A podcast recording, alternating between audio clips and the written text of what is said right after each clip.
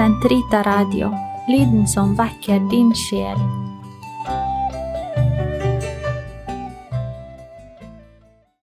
Tack så mycket för den vänliga inbjudan att besöka Nordeuropas största katolska församling. För så ska det vara, att Bergen är den största menigheten i det katolska Nordeuropa. Så ni är viktiga, men det är också viktigt att ni lever i Guds närvaro och till Guds ära. Och det är det temat vi ska försöka fördjupa tillsammans. Förstår ni svenska? Ja, lite grann. Lite grann. Jag ska försöka tala tydligt och långsamt och förklara. Men det viktigaste är först att vi ber om den heliga Andes hjälp och ljus i Faderns och Sonens och den helige Andes namn. Amen. Herre Jesus Kristus, sänd oss den heliga Ande som lyser upp vårt liv så att vi ser din närvaro, din kärlek och din nåd just där vi lever och verkar. I Faderns och Sonens och den helige Andes namn. Amen. Temat är alltså Guds närvaro. Och som troende människor måste vi ha vår grund, vår livsluft, vår atmosfär i Guds närvaro. År 1971 kom jag till Karmelitklostret i Skåne, i Tågarp, som novis. Och en av dem som undervisade mig hette Wilfrid Slinisen, som många känner till också här. Och han skulle undervisa mig just i bönen, bönens liv. Och då sa han att grundvalen för bönen är att leva i Guds närvaro. Det låter ju egentligen självklart. Men mer och mer kan vi alltså lära oss att förstå att hela vårt liv sker i Guds närvaro.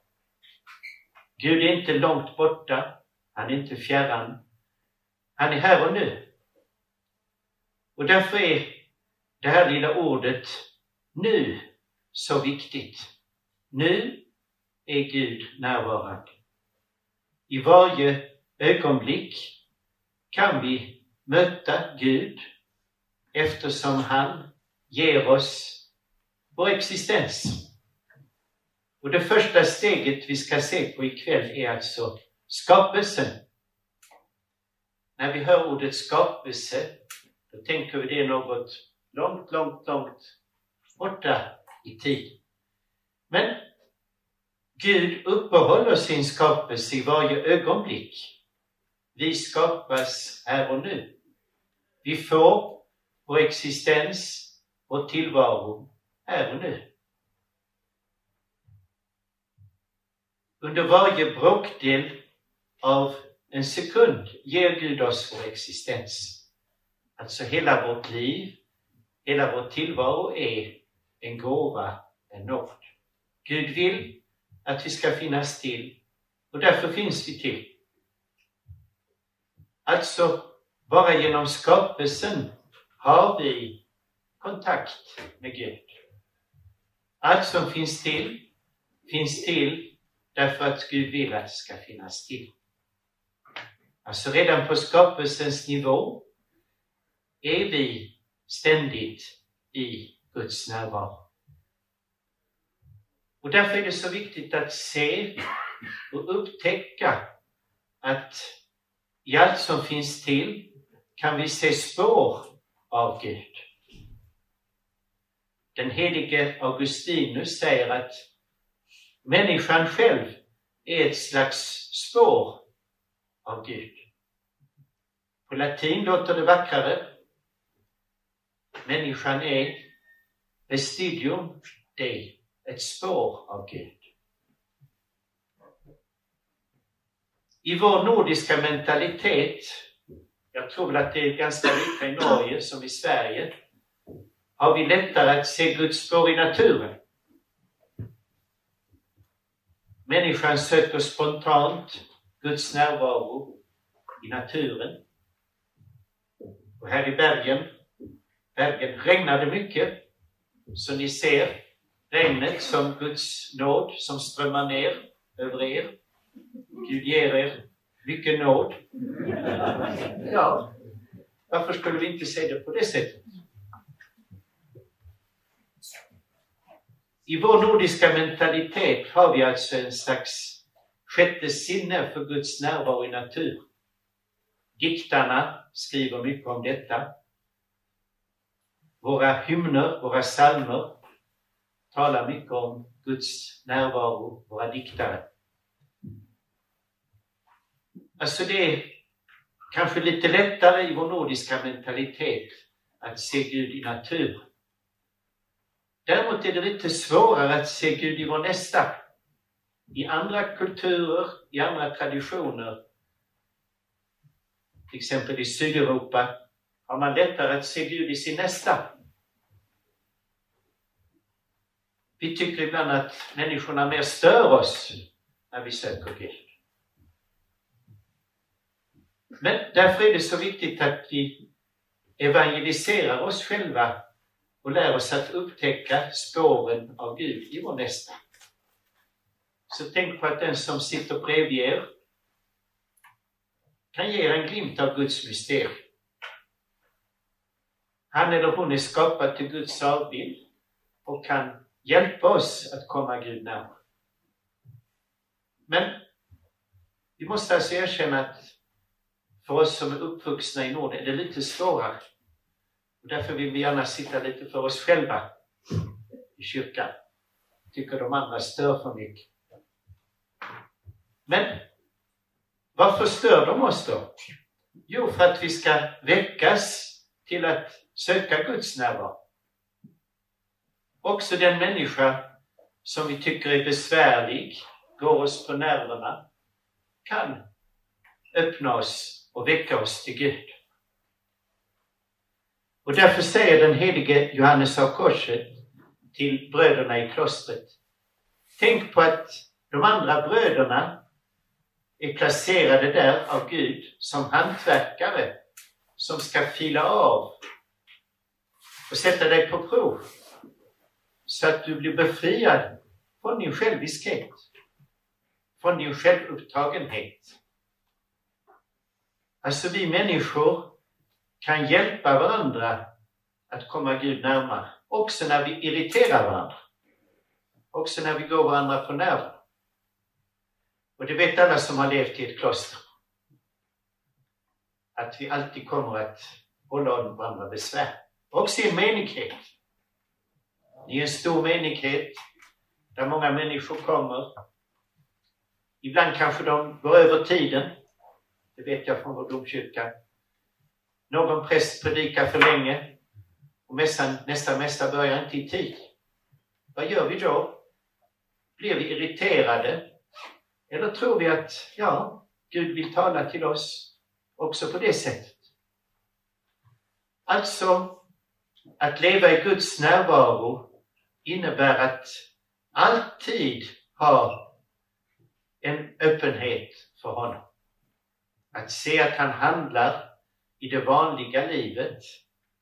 Att allt det vi är med om, vare sig det är trevligt, glädjande, sorgligt eller smärtsamt, kan hjälpa oss att upptäcka att Gud är med oss i detta.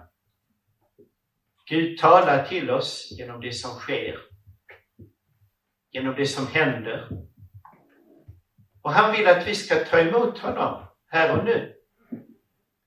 Alltså hela bönelivet bygger på att vi litar på att Gud i varje ögonblick kommer till oss på olika sätt.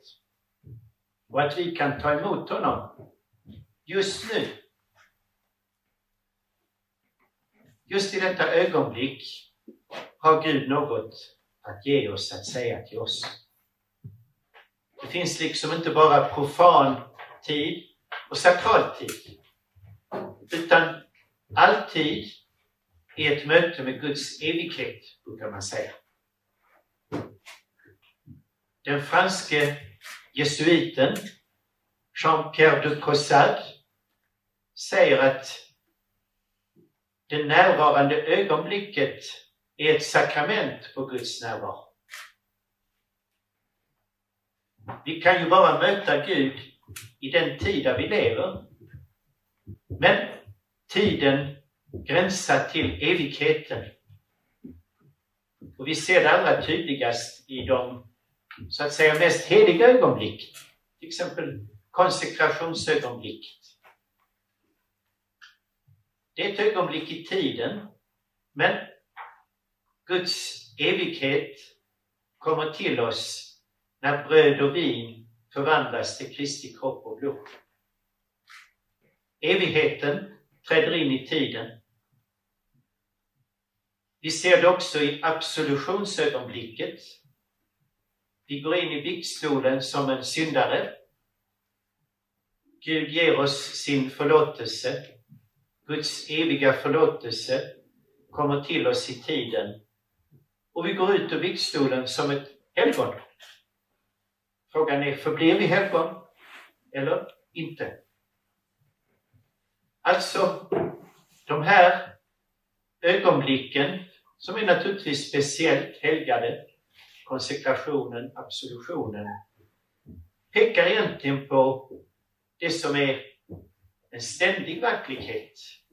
Att Gud i varje ögonblick vill ge oss sin nåd, sin kärlek, Gud talar till oss just där vi befinner oss nu. Och därför kan vi ju be alltid. Vi vet att både Jesus och Paulus talar om att vi kallar det till en ständig bön. Och då menar man naturligtvis inte att vi hela tiden ska läsa böner, men att vi ska leva i en bönehållning och vad är då det? Jo, att tro att Gud hela tiden kommunicerar med oss. Att han hela tiden ger oss sin nåd. Eftersom det då regnar mycket i världen så kan du tänka på det. Det är Guds nåderegn som kommer till er.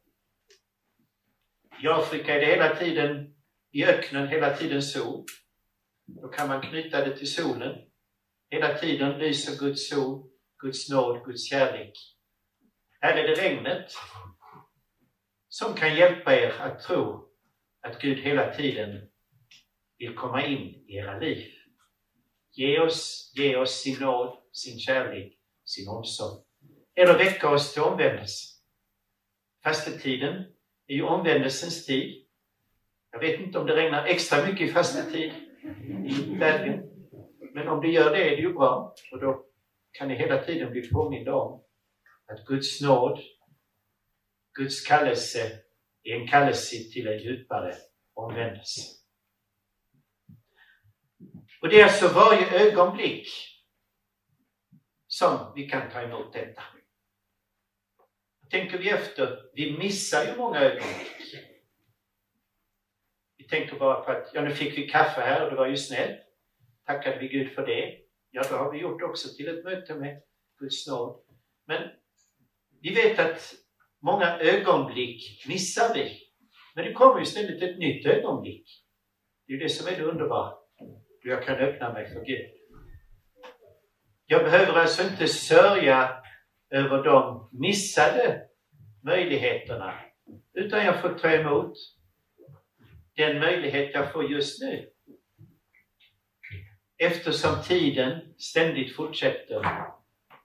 Men varje ögonblick är alltså ett sakrament på Guds evighet, säger den här Jean-Pierre de Caussade.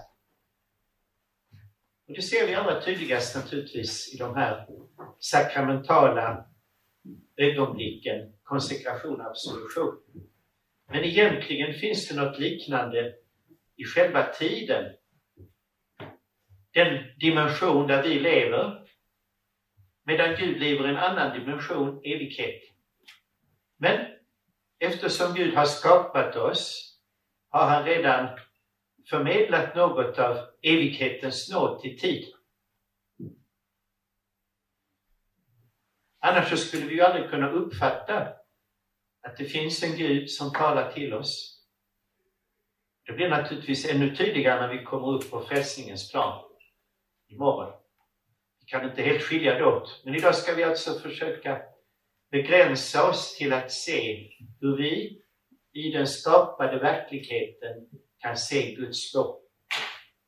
Och vi vet ju att vår tid, vår samtid, är väldigt angelägen om skapelsen, naturen, klimatet. Och det får vi också se som ett Guds pekfinger. Att han vill att vi människor ska vörda och vårda skapelsen eftersom den talar om Gud.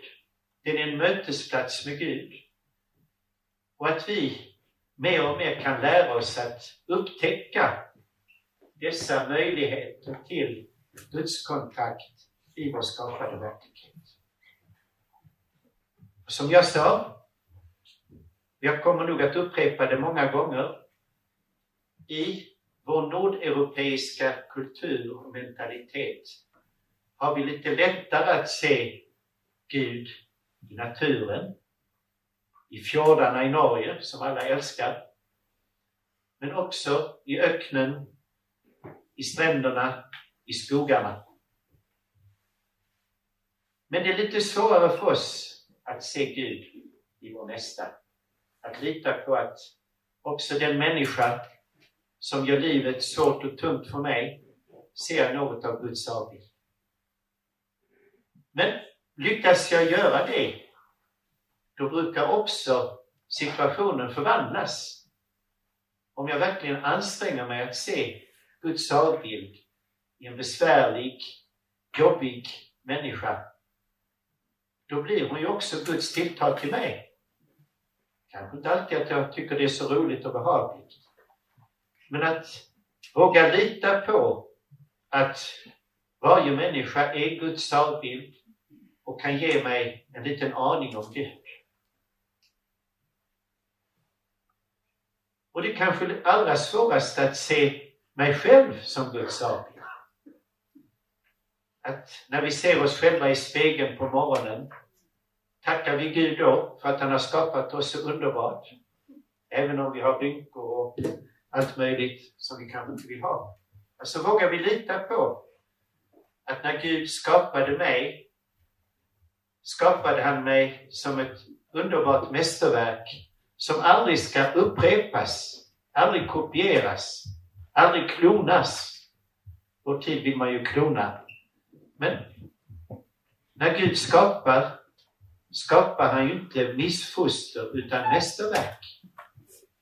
Och att våga tro att han har skapat mig och de andra som ett mästerverk som aldrig ska upprepas och som har fått en underbar historia för att riktigt ta till sig all denna nåd, allt detta stora. Så småningom kan vi alltså bli medvetna om att vi redan i själva skapelsen ser så många tecken på Guds närvaro i naturen, i människorna, i historien. Och samtidigt ser vi då också motståndet mot detta. Synden. Det som gör att Guds närvaro tycks förnekas, trampas under fötterna. Och det är naturligtvis det smärtsamma att vi hela tiden också blir väldigt medvetna om att det finns ett motstånd mot Gud på skapelsens nivå. Men samtidigt måste vi då komma ihåg att vi som skapade till Guds avbild också kan motverka detta genom att leva till Guds ära. Den heliga Birgitta säger jag vill inte använda minsta lilla stund till annat än Guds ära. Så varje ögonblick, varje stund kan jag leva till Guds ära. Jag kan förhärliga Gud när jag äter, när jag promenerar, när jag är på dåligt humör eller på gott humör. Alltså, varje ögonblick kan jag ge Gud ära. Och därför är Psaltarpsalmerna så viktiga. För där ser vi ju att människans alla sinnestillstånd finns med i bön. Människan skriker ut sitt upprop. Hon skriker ut sitt hat. Alltså alla mänskliga sinnestillstånd kan förvandlas på något sätt när vi försöker ge det till Guds ära. Naturligtvis, det är inte det första vi tänker på när vi är arga på någon, att vi ska förvandla det till en bön till Gud, till Guds Herre. Men just därför är Psaltarpsalmerna så viktiga. Det är ju skelettet i kyrkans liturgi. Och där ser vi att alla mänskliga sinnestillstånd och händelser dras in i Guds relation. Alltså vi väntar inte tills vi känner oss fromma för att gå till Gud. Alltså ju argare vi är, ju mer deprimerade, ju mer vi tycker Gud är långt borta, desto viktigare är det att gå in i den här relationen. Och också våga säga till Gud, varför har du övergivit mig? Det säger Jesus själv på korset. Alltså, allt mänskligt kan förvandlas till bön. Det som börjar som en klagosång eller ett upprop eller tvivel går liksom över och blir lovsång. Så när ni läser Psaltarpsalmerna, tänk på att det ofta börjar dåligt men slutar bra. Alltså vi ska inte vänta att vända oss till Gud tills vi är lugna, fromma, snälla. Utan det bästa är att börja när vi är arga, på dåligt humör. För då förvandlas på något sätt vår baksida till vår framsida. Och likadant i vår relation till andra människor. Försöker vi vår nästa som Guds avbild? Försöker vi leva oss in i den djupdimensionen. Då är det inte så lätt att bara vara arg eller tycka hon är dum eller besvärlig eller vad det nu är. Alltså våra relationer både till Gud och till vår nästa kan sakta men säkert förvandlas och fördjupas om vi försöker se på allt i Guds närvaro. Vi vet att det inte är helt lätt, men det är faktiskt möjligt.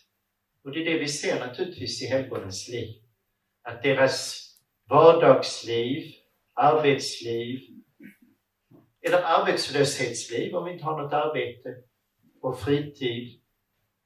Alltså, Gud är med i allt detta. Det är alltså det viktiga.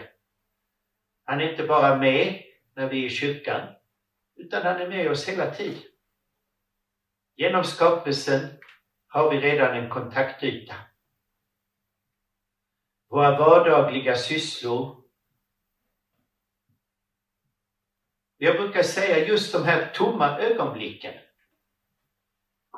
När vi väntar på bussen som kommer för sent, vad gör vi då? Blir vi irriterade? Eller tackar vi Gud, nu fick jag lite mer tid att be. När vi ska handla, jag vet inte hur det är i Norge, men nu har man ju alltid i Sverige, alltså man ska inte betala med pengar utan med kort. Och folk hittar inte sina kort och letar i sina väskor. Så står man där och väntar och blir, blir man irriterad eller tacksam för att man får lite extra tid att be. När bussen är försenad, eller vad heter den här, vad säger ni, spårvagn? som går ut till flygplatsen när den inte fungerar. Ja. Alltså, Gud ger oss ofta en tid som vi kan använda till hans ära. Och att då börja vår dag till Guds ära tror jag är oerhört viktigt.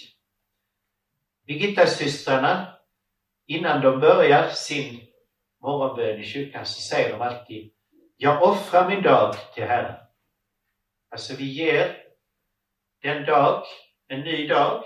Vi får ju en ny dag varje, varje dag av Gud. Och då ger vi den tillbaka till honom. Och gör vi det medvetet varje morgon, då kan vi också fortsätta under dagen att leva i Guds närvaro. Vi kommer att glömma det, men vi kommer ihåg det. Vi glömmer det, vi kommer ihåg. När man frågade ökenfäderna, vad gör ni där i öknen hela dagarna? Så sa de, jo, vi reser oss och vi faller. Vi reser oss och vi faller. Och så är det också med oss. Vi reser oss upp ur sängen, glada. Herre, nu ska jag tjäna dig hela denna dag. Efter en stund tänker vi bara på vilka problem det är på jobbet. Men vi reser oss upp igen. Alltså att bli medvetna om att varje ögonblick börjar allt på nytt igen. Vi behöver inte sörja över de missade möjligheterna. Utan vi får varje ögonblick är ju ett nytt möte med Gud. En ny möjlighet att ta emot hans nåd. Och då är det bra att ha vissa bilder, vissa... Eftersom det regnar så mycket här i bergen är det ju utmärkt. För då har ni alltid något att haka upp ert liv i Guds närvaro. Sen får ni vara glada om det är lite sol ibland. Och tacka Gud för det. Men att knyta ihop bön, tacksamhet och glädje, det är ju det Paulus vill lära oss. Var alltid glada, tacka alltid Herren, be alltid. Alltså, det ligger en djup psykologisk insikt i att knyta ihop bön, tacksamhet och glädje. Så att vi kan evangelisera vår inre, vårt inre klimat. Vi talar ju mycket om att vi ska ta hand om klimatet. Det ska vi göra. Men vi har också ett inre klimat. Jag brukar säga till människor när jag ska skrämma upp dem. Jag kan se på er om ni har ett missnöjets klimat eller ett tacksamhetens klimat. Alltså, man kan se på vissa människor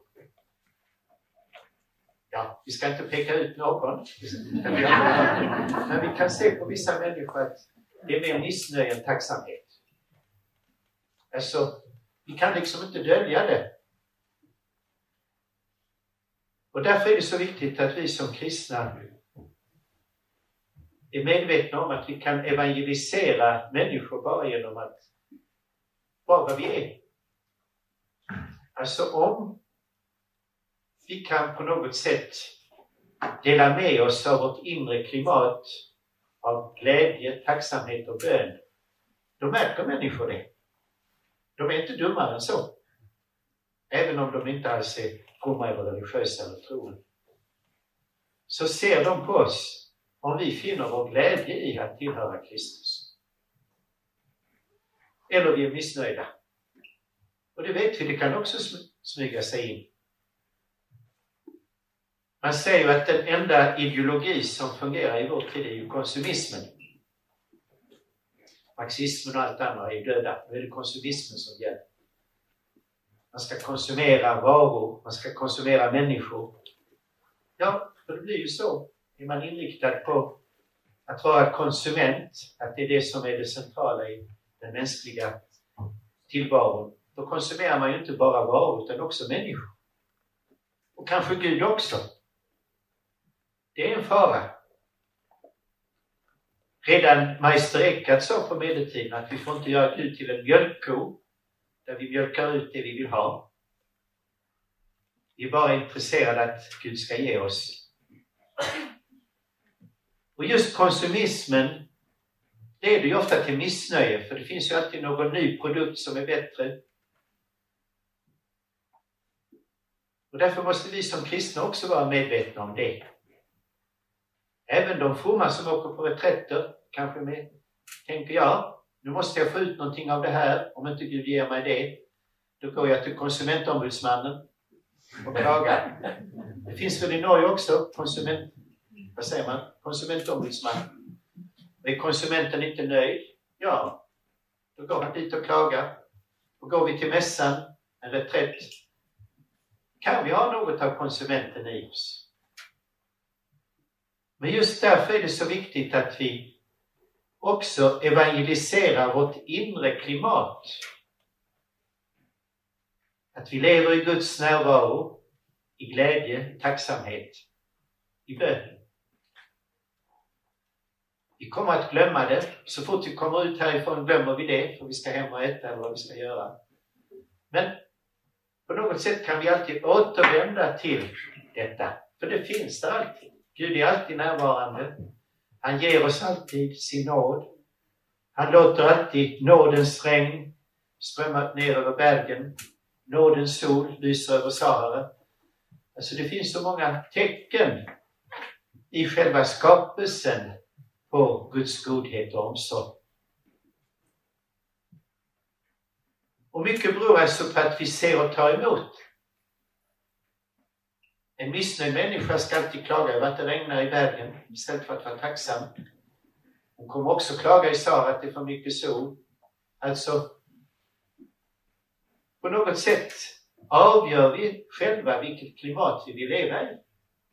Vill vi leva i ett tacksamhetens, lovsångens, glädjens klimat? I glädje över alla Guds välgärningar. Och vi vet naturligtvis att det går upp och ner i vårt liv. Ibland är vi arga, missnöjda och allt vad det är. Men att vi då förstår att också det är något som Gud kan arbeta bort. Och medicinen är just bön, lovsång.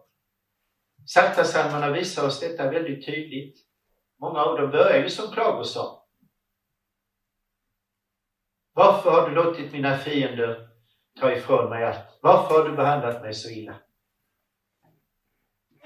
Och det är då det är viktigt att komma ihåg att så länge jag också vågar tala om för Gud att jag är arg eller missnöjd, så är det en bön. Alltså bönen är inte alltid vacker och väluppfostrad. Utan ibland är vi arga på allt och alla, också på Gud. Vi är arga på kyrkan för det som har hänt. Vi lider av det. Vi skriker ut vår avsky för alla dessa präster som har begått. Men vi gör det i bön. För vi litar på att Gud kan helga och frälsa förvandla. Alltså vi lever i en ständig du-relation. Jag började säga att vi lever nu, i det närvarande ögonblicket. Varje ögonblick är ett nu då vi möter Guds du. Så de här två små orden, det är väl samma på norska, nu och du. Så det är också en liten poesi i det hela. Så det kan hjälpa oss ibland, de där små enkla ting. Alltså, just nu möter vi du. Gud är närvarande här och nu. Vi tar emot honom på det sätt vi är vi kanske är trötta. Ni har jobbat en hel vecka. Jag vet inte om ni jobbar lika hårt i Norge som i Sverige. Svenska ungdomar älskar att komma till Norge. Jo. Och jag hör också att många säger, och de är så väluppfostrade de svenska ungdomarna, säger de i Norge, inte i Sverige. De norska ungdomarna kommer kanske till Sverige och visar sitt bästa ansikte. Ibland är det ju lättare att visa sitt bästa ansikte när man är borta. Men hur som helst, vi kan vara trötta, vi kan vara splittrade, vi kan vara arga, vi kan vara missnöjda. Men vi möter Gud ändå. Just sådana vi är. Och blir vi då medvetna om att vi möter Gud, då ändras någonting inom oss. Det är som om, ja ni vet när man kommer in i ett rum och det finns ett litet spädbarn. Då ser man att allas blickar dras dit. Och människorna tinar liksom upp. De som såg arga och missnöjda förvandlas. Något liknande är det när vi upptäcker Gud är ju närvarande. Och det finns vissa människor som bara genom att komma in i ett rum så förändras atmosfären. Jag vet några, man säger på arbetsplatsen, när hon kommer in, ja då tystnar skvaller, förtal, svordomar. Alltså, vissa människor kan smitta av sig. Man vill inte säga något fult eller ont när hon dyker upp.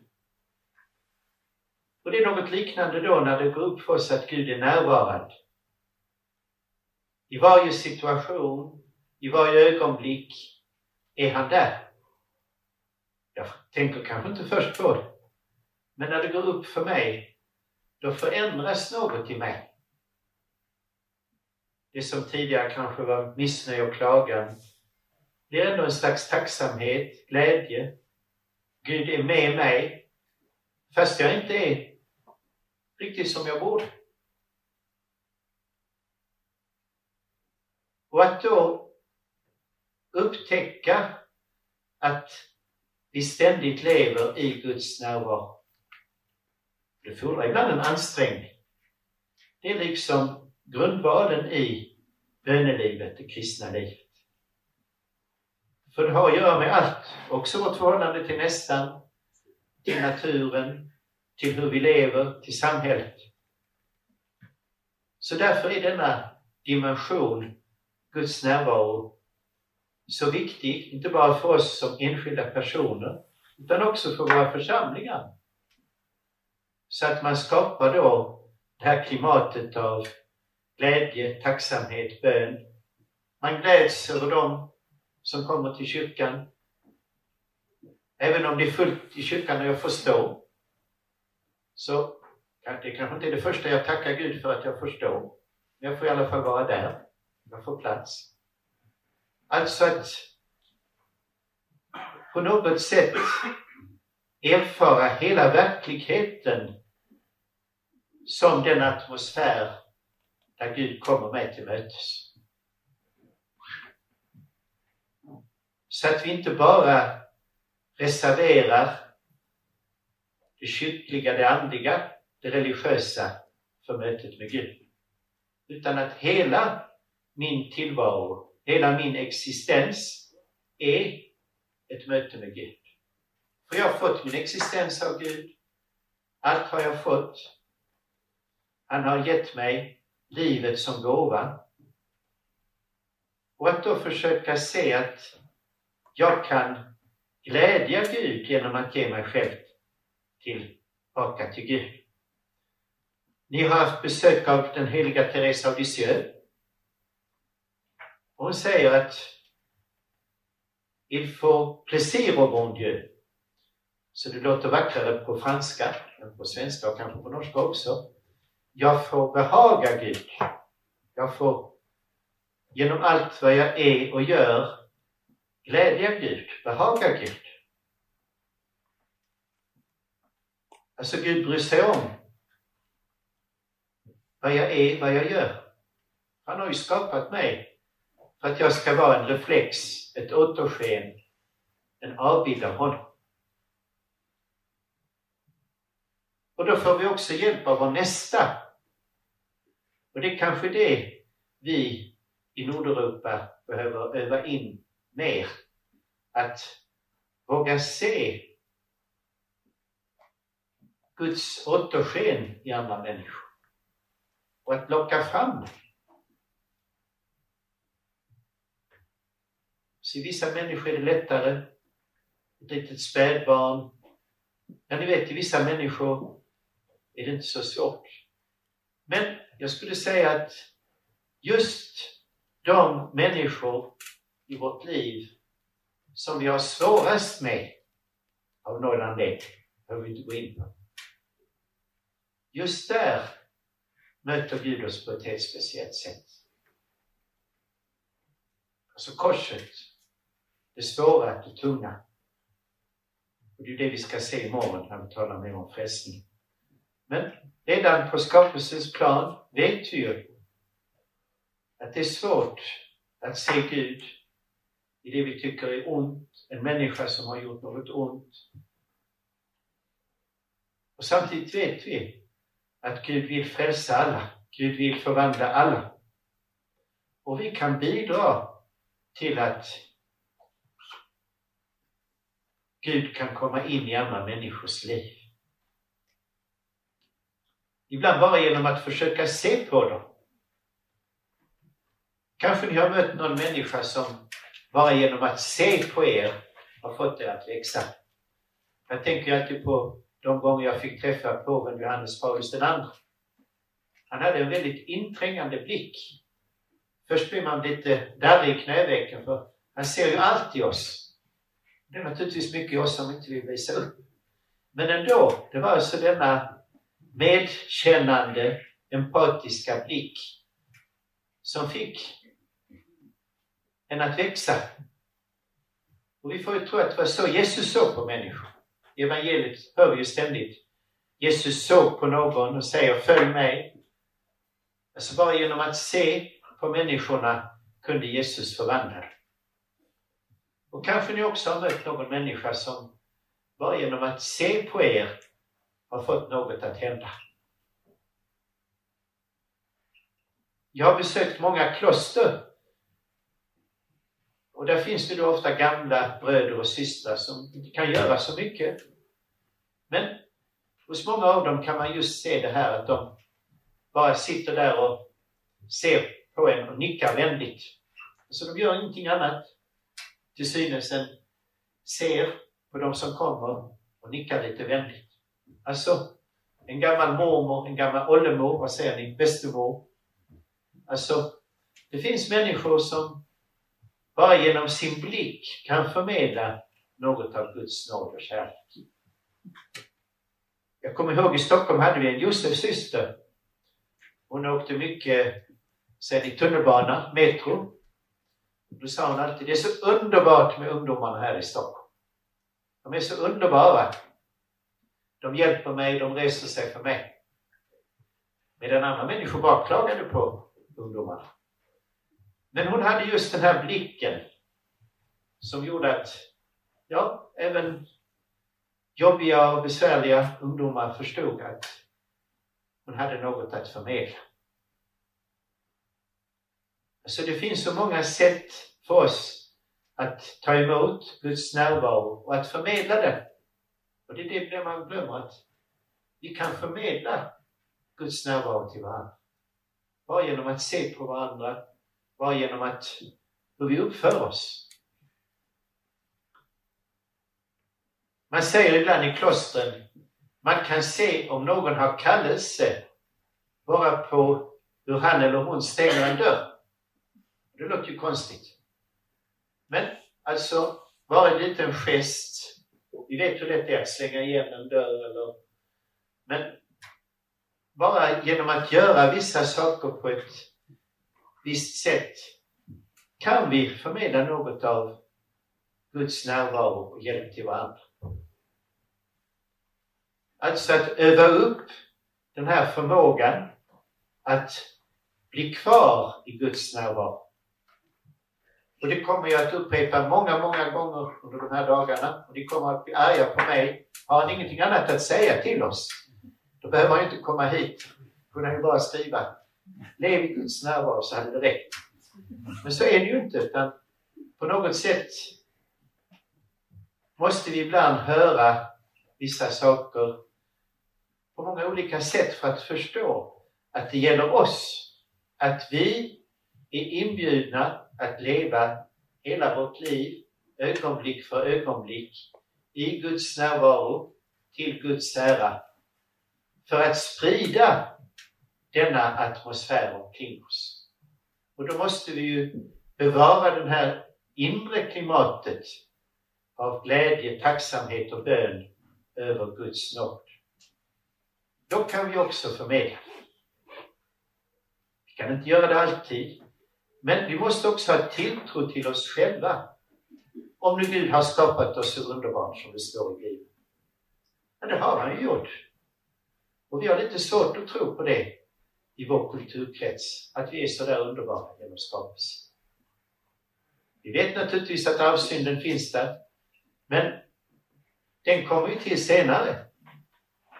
Från början är vi skapade alla till Guds avbild, till unika mästerverk. Och på något sätt måste det vara grundtonen i vår tillvaro, att vi litar på att Gud inte misslyckades när han skapade. Kanske alla andra lyckades, men inte min, inte min lilla jag, som de säger. Så.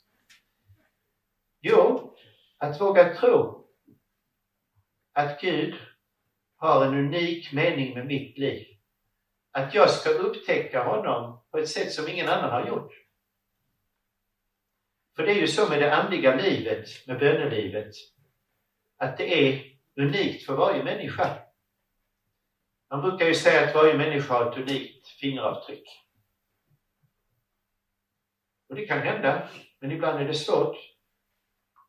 Sist jag reste till USA, då får man ju lägga ett fingeravtryck på dem. Jag kunde liksom inte se, utan jag fick stå där och försöka hur många gånger som helst för att visa att jag hade ett unikt fingeravtryck.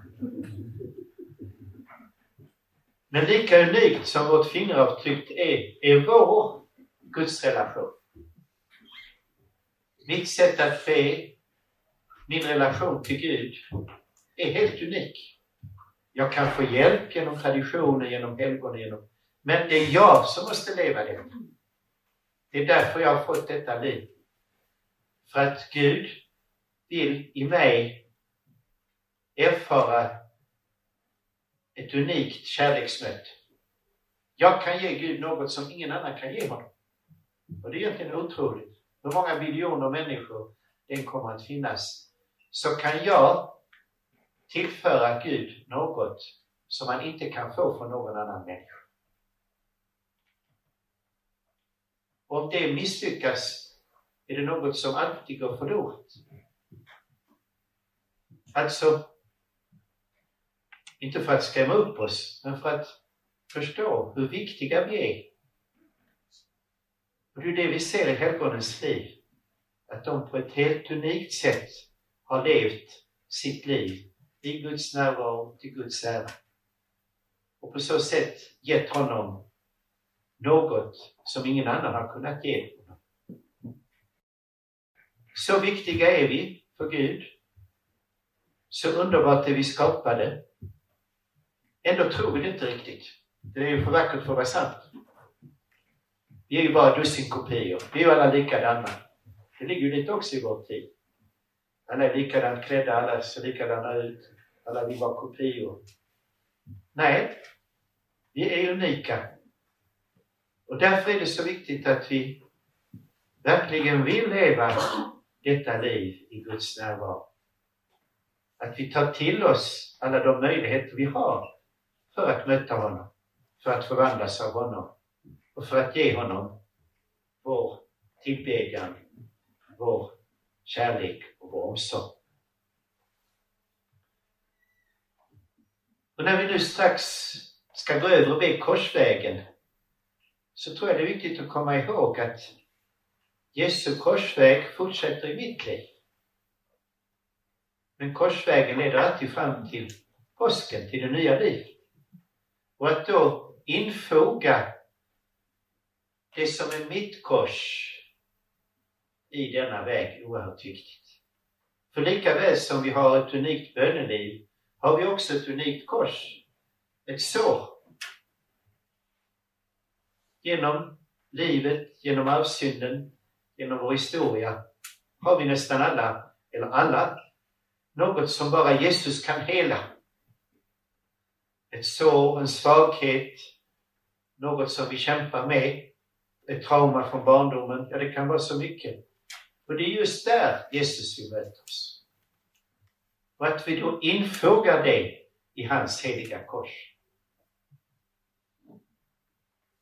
att vi ser att jag kan bidra med en liten, liten flisa till korset.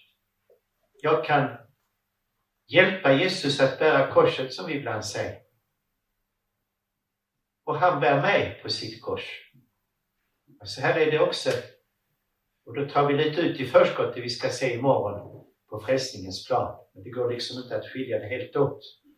Men när vi därför går in i korsvägen så gör vi det med vår unika historia, vår korshistoria.